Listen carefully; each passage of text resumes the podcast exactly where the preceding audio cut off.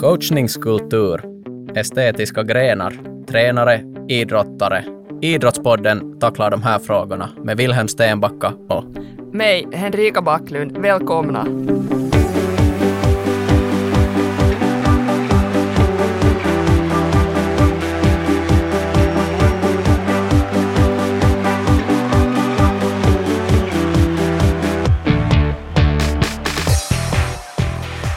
En vecka sedan i samma studio gjorde vi ett tappert försök till att illustrera idrottens statliga strukturer och hur de offentliga eurona rinner genom ett komplicerat system som kallas organiserad idrott. Ämnet är tungt och likaså dess betydelse. Henrika, om du skulle likna inbandandet av ett podcastavsnitt med en idrottsprestation, vilken prestation skulle det vara? Oj, alltså jag måste äh, säga många olika idrottsprestationer och um, man skulle kunna likna de flesta vid ett sånt här, vart man kommer in i ett sånt här flow-tillstånd när man håller på med något, någon uthållighetsgren, så man märker inte ens hur tiden har gått om man är i något fin natur eller har något bra sällskap som man kanske har här i Idrottspodden ibland. Men förra avsnittet så skulle jag kanske mera likna som så här, du blir, du blir liksom inkastad i någon sån här, kanske inte en sidogren, men väldigt, väldigt eh, avlägsen gren från ditt bekvämlighetsområde, till exempel en zumbatimme. var du bara hoppas att eh, hoppas ingen ser på mig, eller ja, man får bara hoppas på det bästa och, och inse att man kan inte alltid vara bäst strukturerna inom idrott skulle säkert behöva en egen poddserie i sig. Och det kan, samma kan man kanske säga om dagens tema också. Vi har nämligen idag besök av Sonja Fredriksson, meriterad som idrottare och tränare inom både redskapsgymnastik och teamgym. Hur känns det att sitta som en expert i ett podcastbord? Hej och tack, tack för att jag får vara här idag. Eh, det är en eh, det är första gången jag sitter som eh, expert vid ett podcastbord, så det är, är väldigt nytt och lite sådär spännande. Det är minst lika spännande för oss att tackla en sån form av idrott som ingendera jag eller Henrika är kanske så, så det där uh, insatta i. Vi återkommer Sonja till dig om en stund, men först introducerar vi uh, våra trogna lyssnare till dagens koreografi. Det handlar om coachningskultur inom estetiska grenar. Efternamn som Nassar, Penttinen, Heikkilä, varför inte Tutberidze, eh, bekanta från media, är skräckfallen från bland annat gymnastik och konståkning som figurerar i media, både nationellt och internationellt, enbart enstaka fall, eller finns det någonting systematiskt i grenkulturerna för olika estetiska grenar som ger upphov till icke önskvärda maktrelationer mellan till exempel idrottare och tränare? En estetisk gren kan kännetecknas som en idrottsprestation där det handlar om en uppvisning. Bedömningen baserar sig på idrottarens tekniska utförande kombinerat med det estetiska framförandet. Alltså det kan handla om ett kroppsligt framförande, inlevelse eller tolkning av en rytm eller musik.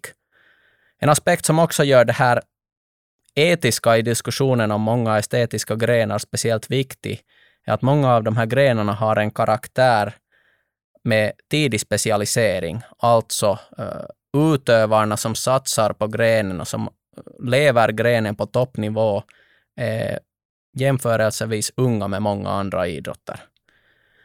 Den här viktiga diskussionen tacklar vi idag med Henrika och vår gäst Sonja Fredriksson. Men nu ställer jag Henrika dig en fråga. När har du senast försökt tjäna in stilpoäng under en idrottsprestation? Jag har försökt fundera på den här frågan, men jag måste nog konstatera att jag har nog aldrig på något vis försökt få stilpoäng i en idrottsprestation i och med att jag håller på med sporter var man då i något skede är i vatten och eh, var man svettas väldigt mycket. Prestationen tar länge och speciellt i äventyrsidrott var man håller på i flera dygn, så kan jag nog säga att det här utseendet är liksom det som är i minsta möjliga fokus. Att tyvärr, jag, jag kommer inte på något tillfälle var jag liksom skulle ha pynta upp mig själv för en idrottsprestation, om det var det som du menar. No, vi kan ju vara lyckliga att både du och jag som är uthållighetsidrottare, så det där, vi, vi, vi blir inte uh, bedömda enligt stil eller finess i prestationen. Det är bara klockan som avgör. Och det, det är ju kanske tur för oss. Tur för oss i alla fall, Ja. och för de som sitter på våra grenar eller våra prestationer. Uh, Sonja, vilka roller har du inom idrotten idag? Nå, jag är både gymnast själv och, och tränare. Jag eh, håller på med teamgym själv och så drar jag träningar både för teamgymgymnaster och för redskapsgymnaster. Vad skulle du säga är det eh, bästa med teamgym? Nå, jag måste nog säga att det är det som kommer fram redan i namnet på grenen, det vill säga laget. Det, jag hittade, um, hittade grenen via det att jag ville, ville hålla på med en lagsport. Och det var gymnastik och lagsport, så det var liksom bästa möjliga kombinationen för mig. Eh, Kan du, kan du ännu berätta hur det skiljer sig från truppgymnastik, det här teamgym? Uh, nå, teamgym, jag brukar lite sådär jämföra det med, med redskapsgymnastik för att det har ganska eh, liksom många liknande element. Eh, man tävlar på tre olika redskap. Um, det, det är olika redskapen i redskapsgymnastik men, men det är liksom, man gör volter och så här volt, voltserier. Eh, och det är liksom kanske det som är sådär kännetecknande för, för teamgym. Det som, om någon är intresserad av hur teamgym ser ut, så det ser metod alldeles amazing ut. Lönar sig att kolla upp diverse videoklipp från det. Uh, vilka situationer har gett dig dina bästa känslor inom idrott, Sonja? Uh, jag skulle säga att det är kanske liksom två, två olika uh, situationer. Delvis så um, har jag haft den äran att jag har fått åka, åka på internationella tävlingar och representera både, både min förening och, och Finland och det har nog varit äh, jätteviktiga liksom, viktiga och fina stunder för mig och överlag så liksom, internationella tävlingar har helt, helt sin egna på något sätt stämning. Äh, så att det är nog upplevelser som jag har för livet. Det andra som är, som är en väldigt, ähm, en situation som, som ger mig en jättebra känsla är det när jag är lite rädd för en ny rörelse och, på något sätt samlar liksom mod äh, att göra den och så när man gör den och lyckas. Så det, det är liksom en, uh, en känsla som man inte kan riktigt beskriva med ord. Jag tror vi känner nog till det där. Att komma Ja. över någon sorts tröskel i alla fall. Ja, utmana sig själv. Och märka att man klarar av någonting som man inte trodde att man skulle klara av. Ja, exakt. Jag kan från egen bakgrund säga att jag känner mig ofta att jag är en egen idrottsbubbla, speciellt under tävlingssäsonger. Hur är det, Sonja, för dig? Lever du i en idrottsbubbla i din vardag?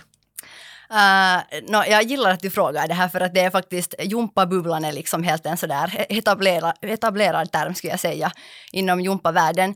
Men att jag skulle inte säga att jag lever i den liksom hela tiden i min vardag, utan det är mera just så att när man uh, förbereder sig för en, en stor tävling eller är på läger, så det är liksom då som man andas gymnastik i princip och allt kretsar kring det. Så att jag har nog alltså upplevt det just till exempel i och med, med internationella tävlingar när man på något sätt är där på tävlingsarenan och liksom allt man tänker på är, är gymnastik och man omringas av, av uh, gymnaster och folk som är intresserade av gymnastik och det är nog Ja, det är en fantastisk bubbla att leva i och det är alltid lika på något sätt sorgligt när den spräcks efter något, något evenemang. Jag har kanske en egen liten koppling till det här, inte från egen, egen uppväxt eller sådär, men jag har nu och då i mitt liv kommit nära kontakt med konståkningen i och med en syster som satsar på konståkningen hela sin ungdom och till tidig, tidig vuxen ålder.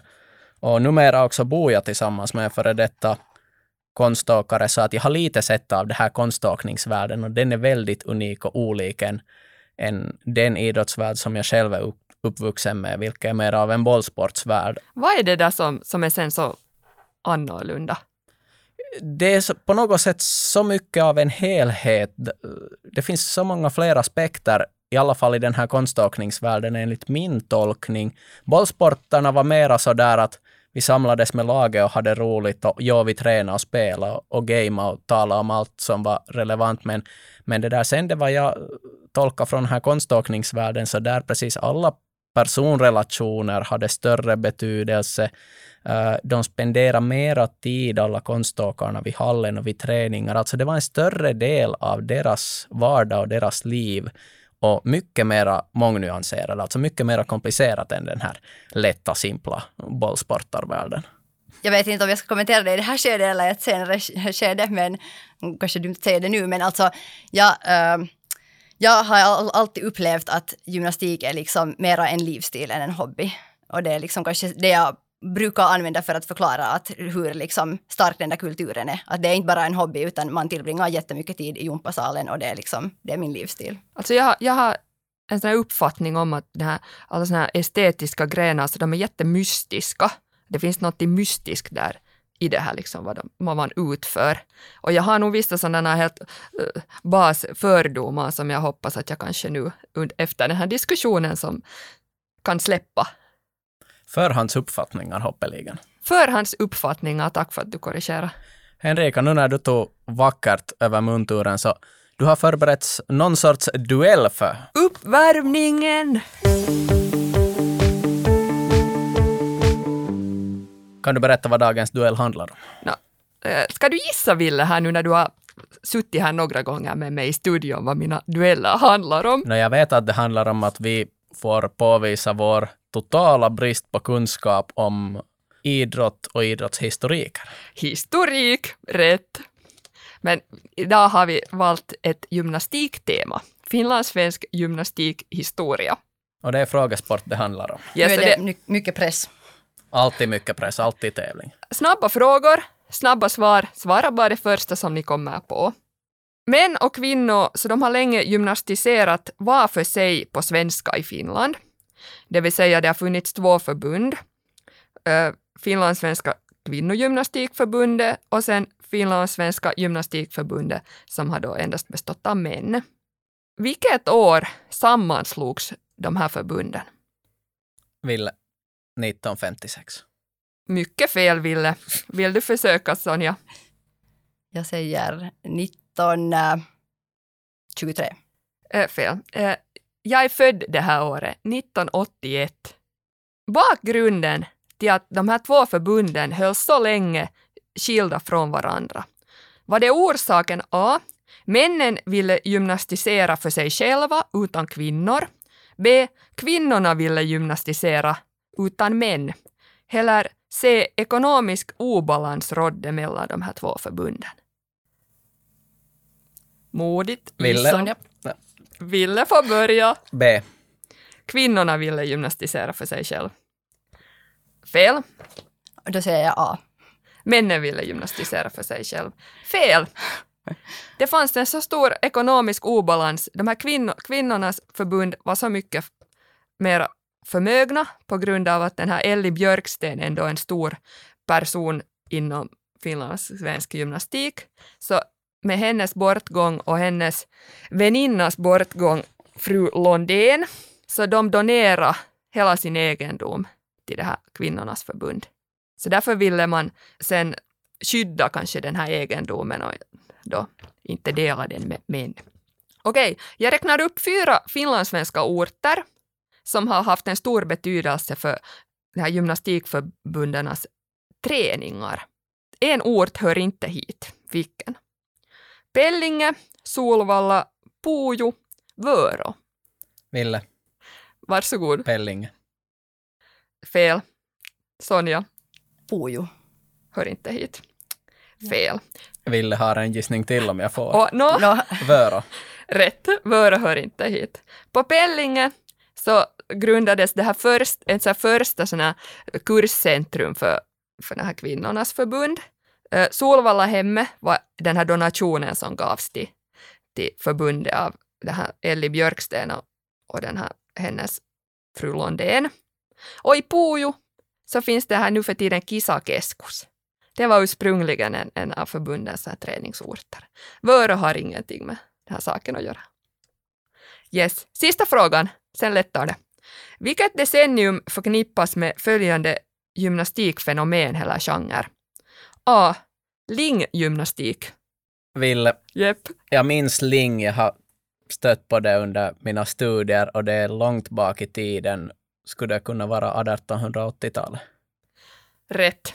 Någon slutet av 1800-talet. Jättebra, du har svarat första gången rätt idag. Okej. Okay. Jazzdans. När har det här kommit, varit stort inom gymnastiken? Finlandssvenska gymnastiken. Ville. Ville bara. Ja, jag slänger nu dit 1950-talet eller mitten av 1900-talet. Ja, ganska nära 1960-talet var det här liksom stora flugan inom gymnastik. Se, red, redskapsgymnastik för kvinnor. När har det här kommit? Nå, Ville vågar sig på en 1980-talet. 1950. Ah. Men det var ändå, det var ändå mycket så här kontrovers. Det här. Var det en showgren eller var det liksom? Det var inför olympiska spelen i Helsingfors 1952 som man liksom uh, krystade fram några kvinnliga redskapsgymnaster när man insåg att då fick kvinnor tävla i redskapsgymnastik. Men, men det var nog liksom mera vad det här, i alla fall tema inom förbundet, att kvinnor skulle syssla med lagsport eller sen någon form av liksom vad man i, i, i en trupp uppträder. Och sista, aerobik. Uh, 1990-talet? 1980-talet. Äsch, det var min nästa gissning. Ja. Men jag rekommenderar åt er att ni läser det här, så här historik om finlandssvensk gymnastik. Det verkar som att det behövs. Nu när vi tävlar i den här duellen så du måste ju utse en duellvinnare. du fick faktiskt, Ville, ett poäng. Jag vet det. Ja. Woho! Grattis. Tack. Tack Sonja för duellen. Tack, tack. Bra match. Nåja, ska vi gå in på ämnet?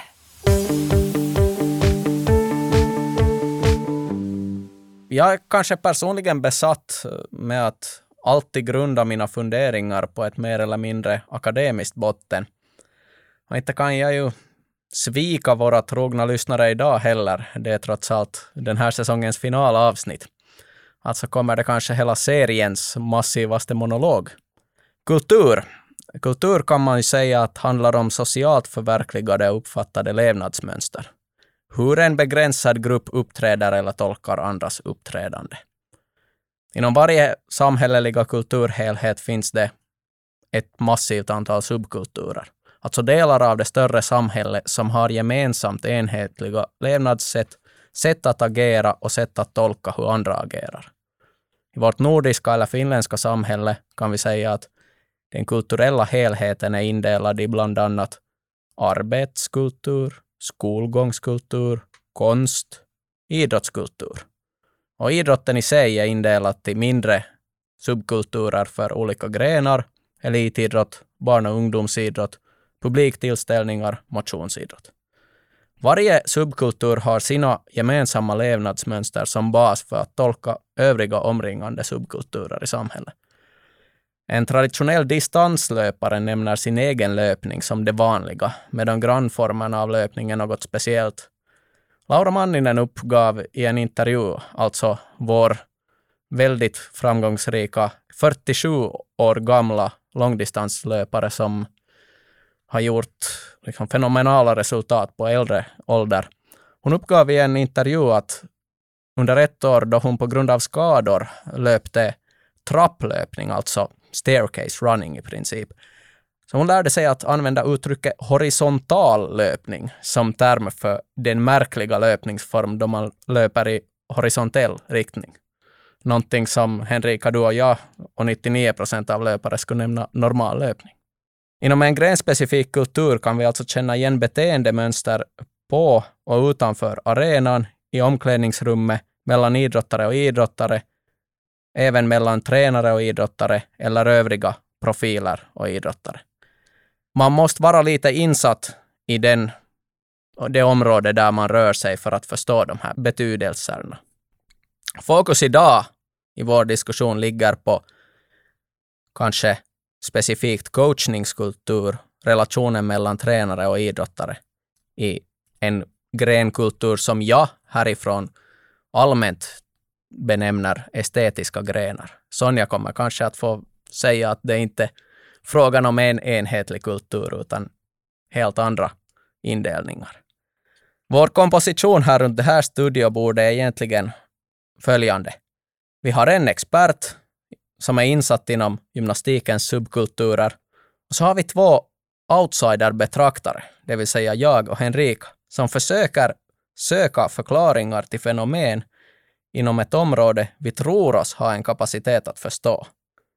Men för att backa tillbaka till exemplet med Laura Manninen och horisontell löpning. Hur kan vi tro att vi förstår fenomen inom subkulturer vi aldrig varit insatta i? Hur kan vi tolka ord, termer, åtgärder och dåd från en värld vi aldrig har själv stegat in i? Här, som tur, kan Sonja vara till hjälp för oss, för att vi ska förstå och för att andra ska förstå när vi försöker förklara grenkulturer här.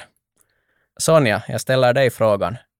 Vad upplever du att är unikt och speciellt med estetiska grenar om vi jämför med övriga idrottsformer? Och nu kan jag ju främst tala utgående från, från gymnastiken för att det är liksom den värld som jag har vuxit upp i. Uh, men alltså det som jag skulle säga att liksom kännetecknar då till exempel gymnastik så är ju liksom det att Uh, att man bygger en, en stark bas. Man måste uh, både vara liksom stark och, och, ha kroppskontroll och, och sen liksom uh, bygga på så att man börjar med lätta rörelser och när det går bra så går man till, till svårare och så är det liksom man tränar på samma rörelse väldigt många gånger, alltså liksom flera tusen om inte liksom tiotusen gånger. Uh, eftersom det alltid, alltid finns någonting som, som man kan förbättra. Och sen gäller det ju också att inte bara liksom lära sig en rörelse utan uh, man ska också lära, den, lära sig den eller kunna utföra den på ett så vackert sätt som möjligt. Det är kanske det som du var inne på med den här estetiken. Liksom.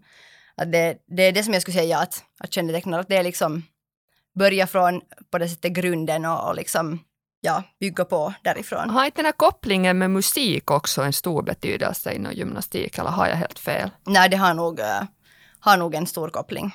Ja. Att du ska, du ska utföra så här, i, i, takt med musiken så ska liksom de här rörelserna göras graciöst. Ja, ja exakt. Och så eh, till exempel då inom gymnastiken så blir ju också, alltså träningstimmarna blir ganska många i, i veckan. Så att det tänker jag mig att kanske till exempel skiljer eh, gymnastik och bollspel åt. Att, ja. Speciellt när vi talar om yngre, yngre åldersgrupper. Ja. Hur mycket tränar du nu det här teamgym i veckan? Uh, när jag själv tränar för tillfället uh, tre, till, tre till fyra gånger i veckan och det är tre timmars uh, träningar varje gång. Längsta är tre och en halv timme. Wow. Um, ja, det är mina egna träningar och sen det är jag då alltså tränare också två gånger i, i veckan. Så det blir ungefär 15-16 timmar då? Ja, eh, vad blir det när man snabbt räknar så, så ja, ungefär, ja. När, när bör man senast specialisera sig? No, det beror ju på att, liksom, att vill, du, vill du hålla på med det som en hobby eller vill du liksom bli en, en tävlingsgymnast på hög nivå, så då brukar det ju vara um, det, det sägs att det är liksom lättare att specialisera sig i en, i en tidig ålder. Jag vet inte om jag vågar ge någon, någon ålder men, men, för när. Men är du för gammal om du är, om du är en tonåring? För att specialisera dig på gymnastik? Ja. Uh, no, jag tror nog att om du liksom vill bli en, en toppidrottare i det skedet så, så kräver det nog jättehårt arbete. Sen beror det ju jättemycket på vad du har gjort före det. Att börjar du från noll eller har du liksom har du idrott, har du hållit på med någon annan till exempel estetisk gren eller någonting som har koppling till gymnastiken, att du har liksom redan en, en, eh, någon form av kroppskontroll från tidigare. Så jag vill inte riktigt säga att någonting skulle vara för sent. Och jag, jag tror liksom att, att, ja, man kan börja när som helst, definitivt. Alltså gymnastik är ju liksom, man kan hålla på med det från, från baby till liksom senior. Så att. När jag tidigare benämnde mig och Henrika här som outsiders, så hur skulle du, outsider Backlund, eh, beskriva gymnastikens kultur sådär från ett socialt perspektiv? Alltså jag skulle beskriva det med ordet disciplin och gruppdisciplin. Det här är då en av mina så här förhandsuppfattningar om grenen, att det råder en sån här bra självdisciplin och sen i, i, inom gruppen en sån här, ja, som man säger på finska, ryhmäkuri. Undertecknar Sonja Fredriksson det här, att det existerar? No, det är i alla fall inte den första tanken jag liksom kopplar med, kopplar med äh, gymnastiken. Jag Kanske i Kina då, Ryssland? Ja, no, det har jag ju inte erfarenhet av så ja. jag vågar inte, vågar inte på det sättet tala för dem. Alltså liksom, självklart kräver det en viss disciplin och, och den kan ju vara både bra och dålig och kanske lite mer disciplinerad och mindre discipliner, disciplinerad. Men alltså min, min första association är att det är liksom det är inte en hobby utan det är en livsstil. Uh, det är det som jag upplever jättestarkt, att man uh, tillbringar väldigt mycket tid i gympasalen och det blir liksom jätte så här stark samhörighet. Man känner sig som, eller jag har alltid upplevt att det är liksom en så här gymnastikfamilj. Att man är hemma där i gympasalen. Ja, exakt. Ja, det är liksom som ett andra hem och, och lagkompisarna är som en andra, andra familj. Och det är liksom, så för mig är den där upplevelsen väldigt positiv. Kroppen och kroppsligheten hade en väldigt stor betydelse för de tidigare formerna och tidiga formerna av gymnastik och också det här med kroppslig uppfostran.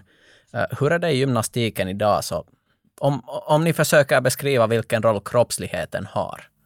Alltså jag tycker att det här är en, en liksom på något sätt jättesvår fråga för att jag tänker liksom att, att kroppen är ju liksom A och O i gymnastiken och kroppen måste må bra eller liksom vara i skick för att du ska kunna hålla på med gymnastik. Det är liksom det jag tänker, så det har ju en enorm roll.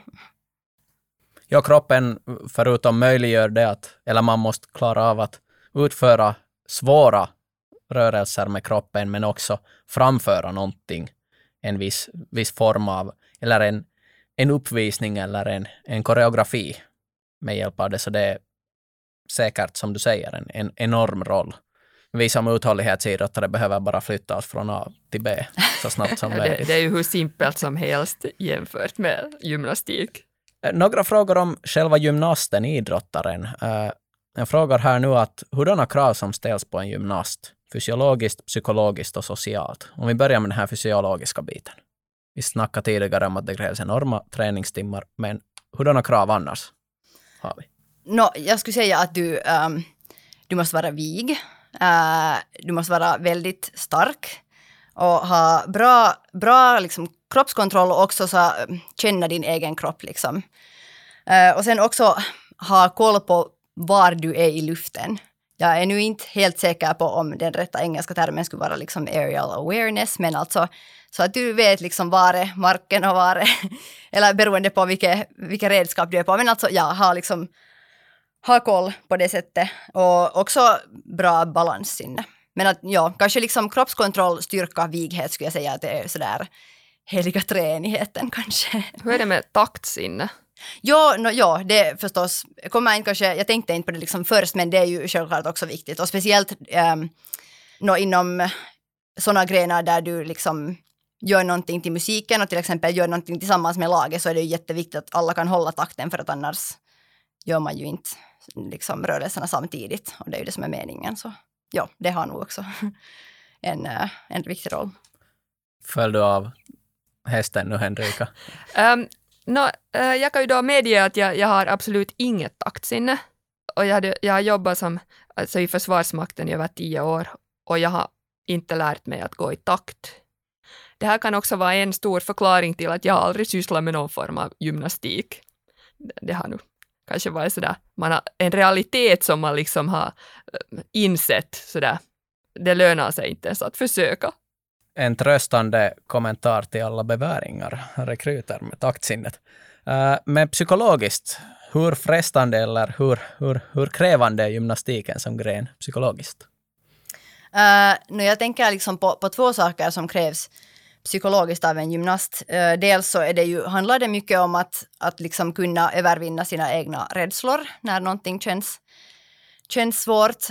Um, så det är liksom en, en del och sen så måste man också ha ganska bra tävlingsnerver för att som gymnast så har du liksom, för det första så, så är tävlingarna ganska liksom, det är inte sånt som händer varje veckoslut utan det är liksom kanske några tävlingar per, per termin och du har liksom en chans där på tävlingen att visa din, din serie uh, och då har du alltså ja, det blir ju ganska mycket press på den där ena prestationen, att du liksom kan visa vad du går för just i den stunden. Så därför tycker jag att man måste ha ganska bra tävlingsnerver också. Hårfina marginaler. Om någon tycker att det är hårt i friidrottskvalen med tre försök, om man ska lyckas där så är det nog säkert ännu hårdare i gymnastiken om det är one shot. Är det, är det så där att det brukar oftast gå alltid bättre på övning än vad det går sen på själva tävlingsmomentet? Nå, jag skulle nog säga att, att liksom adrenalin och på något sätt den där stämningen i liksom salen, publiken, så hjälper nog, nog väldigt mycket. Men alltså självklart, jag menar, ibland lyckas man, ibland misslyckas man. Svårt att säga liksom på något sätt. Att, jag, jag, tror att för vissa funkar det just så att de kanske lyckas bättre på tävlingar för att de är jättebra på att på något sätt utnyttja det där liksom äh, adrenalinet och jag vet inte, har bara liksom rätta på något sätt, nåja, förmågan att liksom bara ta ut allt det positiva från det och, liksom, och lyckas. Medan sen igen förstås för, för andra så kan det vara en liksom mycket jobbigare situation om det blir liksom jättenervöst och, och då kan det ju vara mycket ja, svårare att, att lyckas. Du eh, bevisar en av mina förhandsuppfattningar här, det vill säga de flesta gymnaster är jätteskickliga att prata och, och, och sociala på det sättet väldigt, väldigt liksom bra diskussionspartner i, i, i det här ämnet. Uh, men du sa tidigare också att eh, gymnaster får eller tvingas va, uh, vara långa tider i lag på, i hallen eller vid tävlingsresor, träningar. är det krävande socialt? Måste man vara utåtriktad för att orka med gymnastik? Jag tror inte att du måste vara utåtriktad. jag tänker liksom att att eh, som jag sa så tillbringar man väldigt mycket tid i salen och för mig så har mitt lag blivit liksom som en andra familj för mig och jag, jag tänker att med familjen kan du ju vara dig själv så om du inte är utåtriktad så behöver du inte vara utåtriktad. Och så där i bästa fall så hoppas jag ju kanske att det är liksom så det att du kan vara helt dig själv där. Men... Det är säkert svårt att vara någon annan än sig själv när man tränar över tre timmar tillsammans. Så ja. Vem orkar försöka hålla någon mask Nej, jag tror att det skulle bli väldigt jobbigt. Och, och ja, man blir ju liksom nog sådär automatiskt ganska nära med de människorna för att, för att man är där en så stor del av, av sin fritid. Eh, jag har aldrig själv liksom haft så här att på något sätt att det skulle ha blivit liksom jobbiga situationer att man skulle ha gått jätte i kors med någon människa. Men jag kan tänka mig att det skulle kunna vara jättejobbigt om, om du inte alls liksom synkar med någon just för att man är där så, så liksom många timmar och ofta. Här kanske lag, lagformerna så, så det där också när man gör prestationerna i lag som i teamgym så, så bygger det en sorts vi-anda. Uh, mina egna, uh, ska vi säga, sidoblickar, minnen från det här med konståkningen så pekar lite mot åt det hållet när det finns många eh, individualister uh, och, och det här individuella idrottare så blir det ett tystare gäng än i alla fall konståkarna upplever jag vara ett tystare gäng generellt än gymnasterna. Okej, okay, väldigt intressant. och kanske här, det kan ha att göra med det här lag, lagprestation kontra individuell prestation att göra. Jag vet inte. Mm. Men nu får du kasta för en stund idrottarrollen åt sidan och ta tränarrollen. Uh, hurdan är en bra gymnastiktränare enligt dig, Sonja? Det här svarar säkert på frågan gymnastiktränare, men också på hur jag ser på en bra tränare överlag. Uh, jag tycker att en, en bra tränare ska vara jämlik och rättvis mot alla. Sen tycker jag att det är jätteviktigt som tränare att man liksom kan byta tränarstil utgående från sina adepter. Att det är inte så att du har liksom en tränarstil som du är bekväm med och så kör du den på alla och sen när det inte funkar på någon så är det sådär att nej men det här var ju liksom synd att varför, liksom, varför lyssnar den här adepten inte på mig eller varför på något sätt funkar det här inte överhuvudtaget. Utan jag tycker att en bra tränare ska liksom eller kan känna igen att okej, okay, uh, nu funkar inte den här stilen som funkar för, för dig, så funkar inte för den här andra uh, adepten och då liksom kan jag kan jag byta. Det är en egenskap som jag uppskattar. Eh, jag tycker också att en, en gymnastiktränare ska vara pålitlig. Uh, och där tänker jag att det är väldigt viktigt som gymnast att veta att när tränaren säger att, att gör den här rörelsen så kan jag lita på att okej, okay, tränaren vet att jag klarar av det här. Det är liksom den aspekten och sen delvis det att jag kan lita på att tränaren kan hjälpa mig om någonting skulle hända. Så därför liksom, känner jag att pålitlighet är väldigt, väldigt viktigt det är en problematisk helhet där man ska kunna givetvis substansen men också individuellt bemötande och det att man utvecklar en, en lag, ett lag tillsammans eller en grupp tillsammans. Eh, vad ser du att är de mest problematiska eller svåraste aspekterna en gymnastiktränare får tackla? Det här var också på något sätt, jag vet inte, en, en svår fråga. Um, men det som som jag nu kom, kommer att tänka på så, uh, alltså det kan ju liksom ske situationer där allt inte går som planerat. Uh, och då måste ju tränaren liksom vara väldigt på alerten. Uh, liksom om, om någonting händer i luften så måste, måste tränaren göra väldigt snabba beslut för att liksom kunna hjälpa gymnasten på bästa möjliga sätt. Och det kanske ser jag som en, liksom, också ett tecken på att, att tränare med liksom mycket erfarenhet och, och som är liksom bra gymnastiktränare så, så kan också ja, rädda väldigt sådana situationer som kanske skulle kunna gå illa annars. Och nu talar vi om en, en gren där det faktiskt kan ske otäcka skador, egentligen blixtsnabbt på grund av ett, ett felsteg eller en, en liten detalj som går snett. Exakt.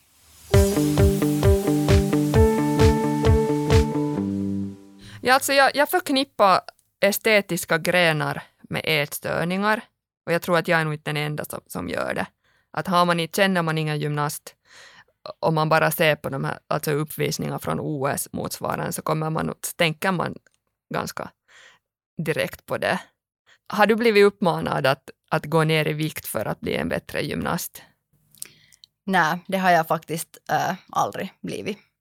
Men mm, känner du att den, den, finns omkring dig i den här grenen, den här hetsen att vara mager?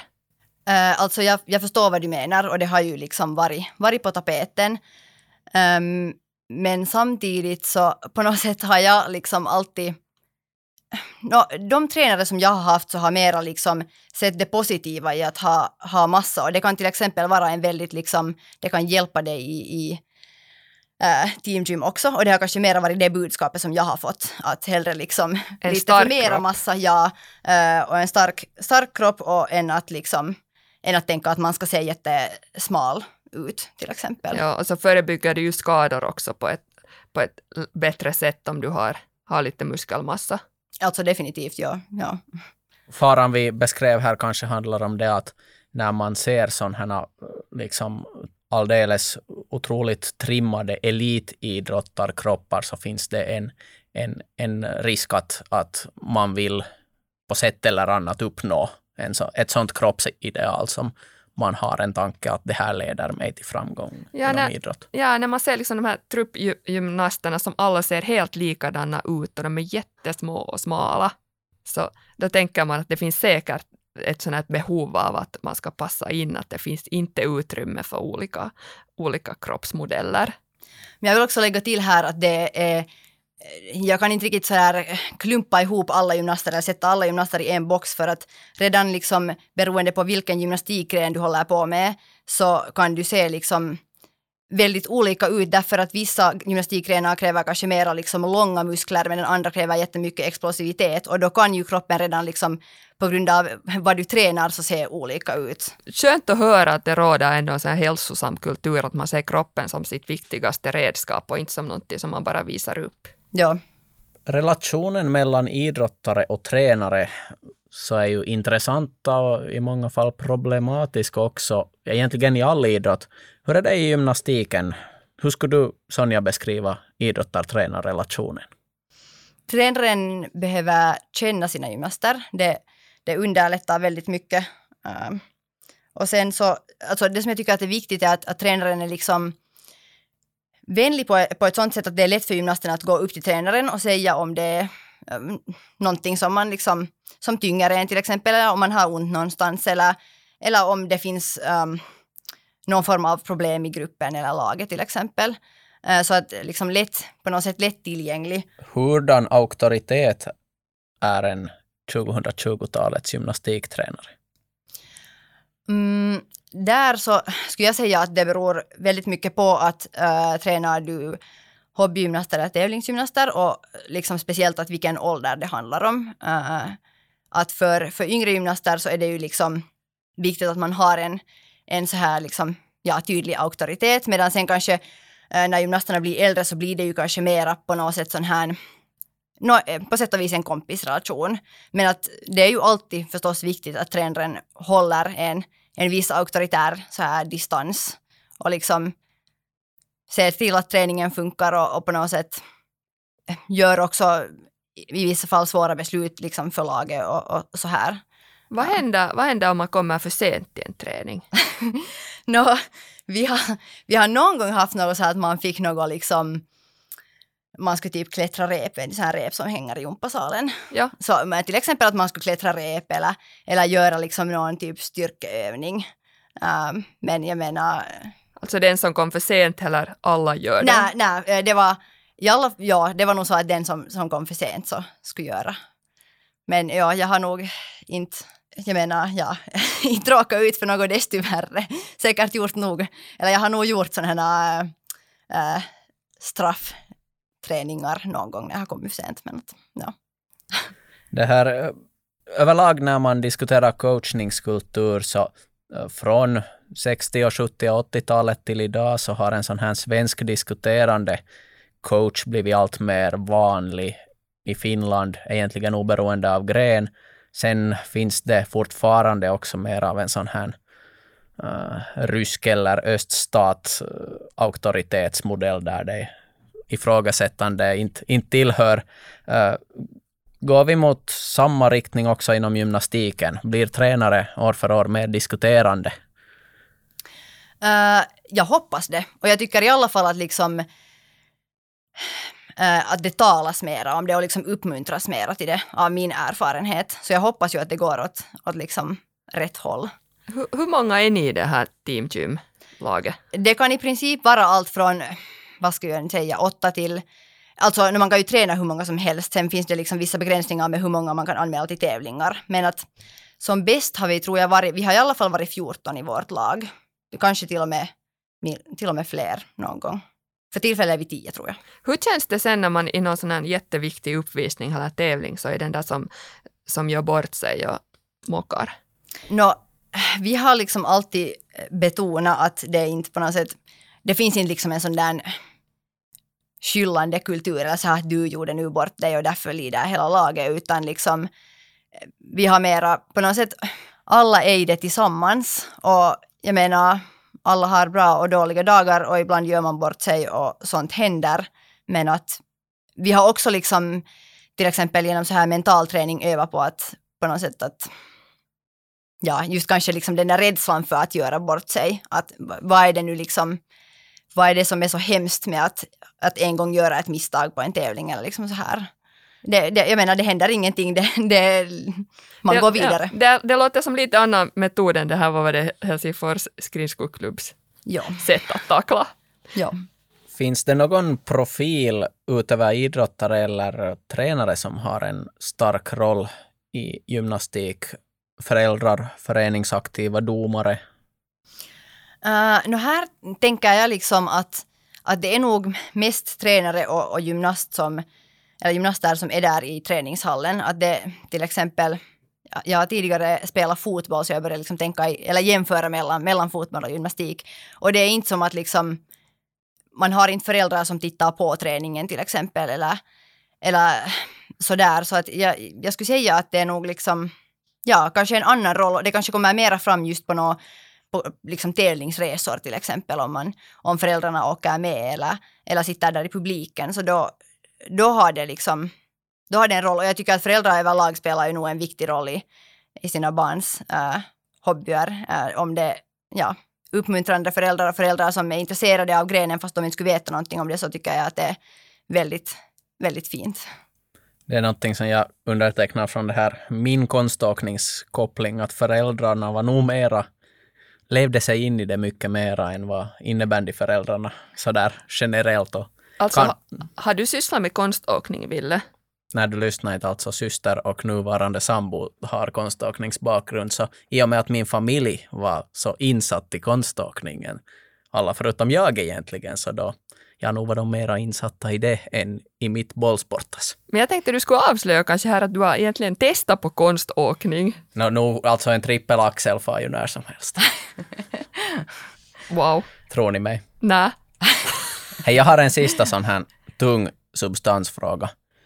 Uh, är de här personrelationerna inom gymnastik eller gymnastikgrenarna svårare eller mera benägna för icke önskvärda fenomen än i övriga idrottsgrenar? No, um, var det jag som skulle svara på frågan? Ja, du har nog expertisen här, ja. så att om, du har, om just, du har ett svar på det. Jag tänkte just börja med att säga att jag vill inte äh, i det här fallet liksom, alltså jag vill betona att jag inte är någon expert, utan jag kan bara liksom i princip gissa eller så här utgå från, från hur jag själv äh, upplever det eller tror att det är. Men jag tror att det kanske sådär överlag så kan hända att det liksom finns en större risk för sånt inom liksom estetiska grenar som vi var inne på eftersom estetiska grenar ändå liksom strävar efter en så här perfektionism.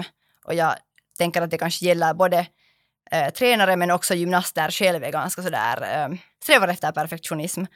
Eh, och då tänker jag att det kanske på något sätt är svårare eh, att känna igen när någonting liksom går för långt eller någonting inte är okej. Okay. Eh, liksom att när en tränare behandlar en, en fel, det är inte bara att, att hen är sträng utan liksom helt, helt enkelt behandlar en fel.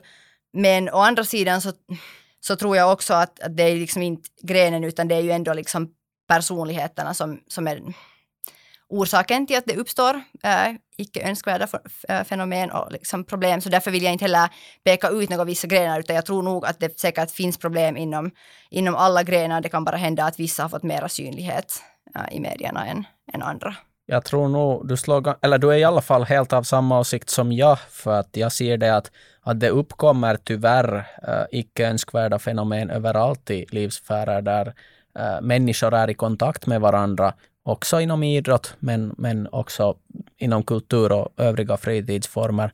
Äh, kanske det med estetiska grenarna, det finns två faktorer som, som det där gör det, ska vi säga, mera riskbenäget. Riskbenägen är fel term, men i och med det att eh, vi tar gymnasterna som exempel, när man lever den här livsstilen så starkt och det är en så, så, så stor eh, grej eh, för gymnasterna, eller varför inte konståkarna. Alltså just det här vad du Sonja sa, att, att det är för många utövare en så stark livsstil, så när man är så 100 procent all in i det man gör, så då är man ju liksom mera utsatt för att om det uppstår någonting negativt så påverkar det dig kanske mera.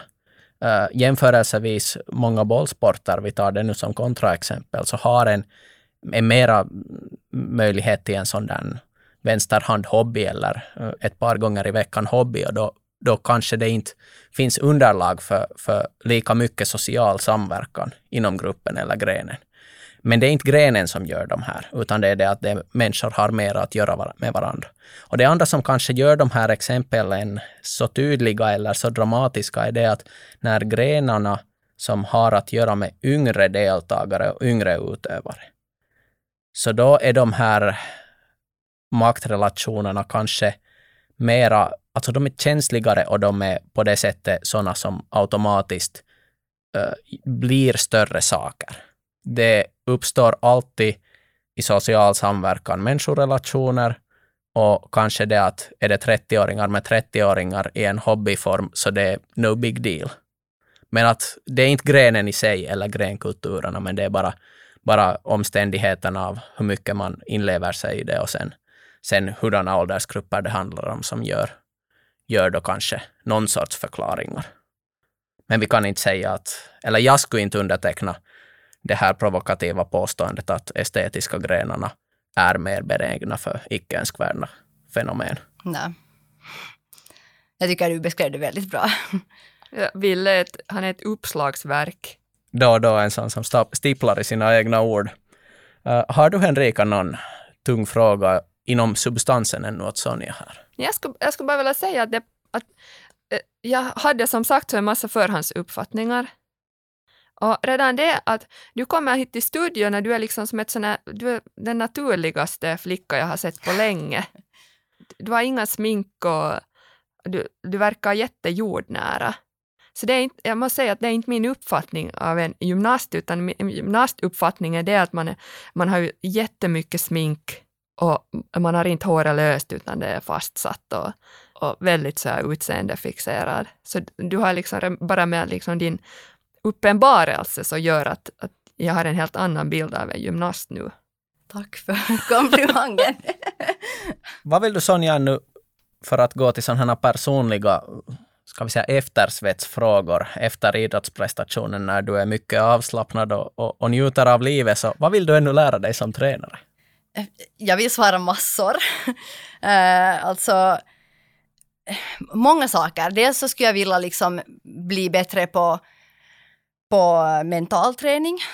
Eh, jag tycker att det skulle vara väldigt, väldigt viktigt och liksom bra att, att känna till. Eh, sen så så det här som jag var inne på, att liksom kunna byta tränarstil utgående från adepten, det tror jag att, ehm, eller det vet jag att jag i alla fall kan utvecklas i och det tror jag kanske att överlag är en sån där grej som man liksom alltid kan utvecklas i. Uh, och sen så tycker jag att det skulle vara ganska nog tufft att kunna liksom hjälpa samma rörelser som jag nu gör som gymnast. Så det är kanske sådär ultimat uh, träningsmål, eventuellt någon gång i framtiden. nice. Uh, du har erfarenhet som hård tävlingsidrottare och, och framgångar också som i din tränarroll. Vad är det nästa du vill uppnå inom idrotten? Har du någon roll du vill ännu? No, jag började tänka så här att, att jag har liksom hittills testat på tre roller. Uh, jag har varit, eller jag är gymnast, jag är tränare och så har jag så här kommit in i domarvärlden lite. Uh, så jag har dömt liksom i de lägre klasserna i, i teamgymtävlingar och jag sådär tänkte att det kanske är ett område som jag skulle kunna utforska, att eventuellt döma också i, i högre ja, tävlingsklasser. Bra utmaning.